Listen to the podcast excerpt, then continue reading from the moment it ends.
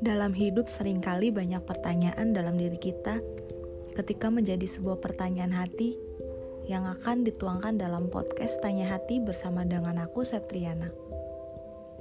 Begitu banyak untayan kata yang ada dalam benak diri kita yang menjadi sebuah pertanyaan-pertanyaan dalam hati yang terkadang kita nggak bisa bercerita bahkan berbagi dengan orang lain hingga akhirnya sebuah teka-teki itu menjadi sebuah tanya hati yang dipendam sendiri, dan tentunya sangat berlawanan dengan logika ini.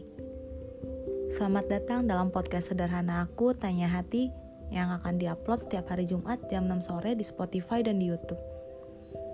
Sampai ketemu hari Jumat ya, dalam ruang Tanya Hati Podcast. Selamat mendengarkan.